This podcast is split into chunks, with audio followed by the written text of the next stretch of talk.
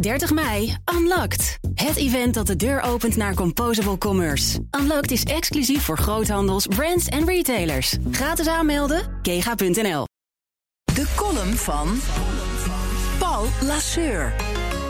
Een snackbar in Nijmegen heeft patatje oorlog van het menu gehaald uit solidariteit met de Oekraïners.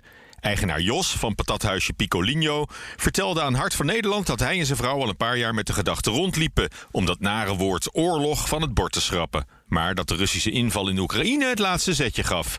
Wie nu nog deze klassieker van de Hollandse cuisine wil bestellen, friet met mayonaise en pindasaus, moet voortaan vragen om een patatje flip.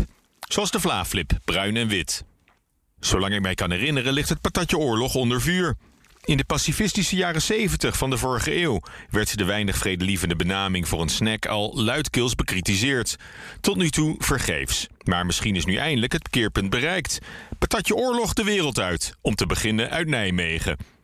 De vraag is alleen hoe de arme burgers van Oekraïne geholpen zijn met deze dappere daad van verzet van een Nijmeegse snackbarhouder.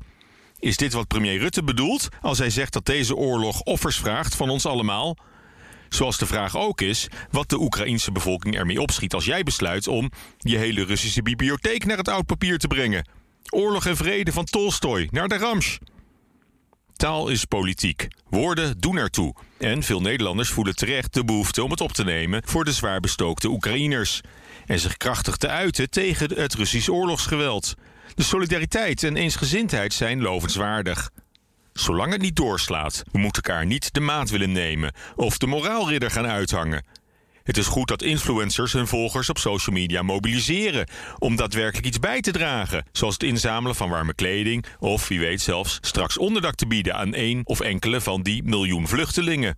Maar pas op voor de taalpolitie. Die bepaalt welke woorden niet meer gebruikt of welke auteurs niet meer gelezen mogen worden. Dat is het begin van onvrijheid. Nog zo'n kwestie betreft carnaval en wintersport. Er zijn stemmen op Twitter die hossen, skiën en andere vormen van plezier maken kennelijk ongepast vinden in tijden van oorlog. Maar zolang ons land niet zelf in oorlog is, zie ik eerlijk gezegd weinig reden om ook deze vrijheden onnodig in te perken. Of elkaar de kleine genoegens in het leven te ontzeggen. Prettige maandag!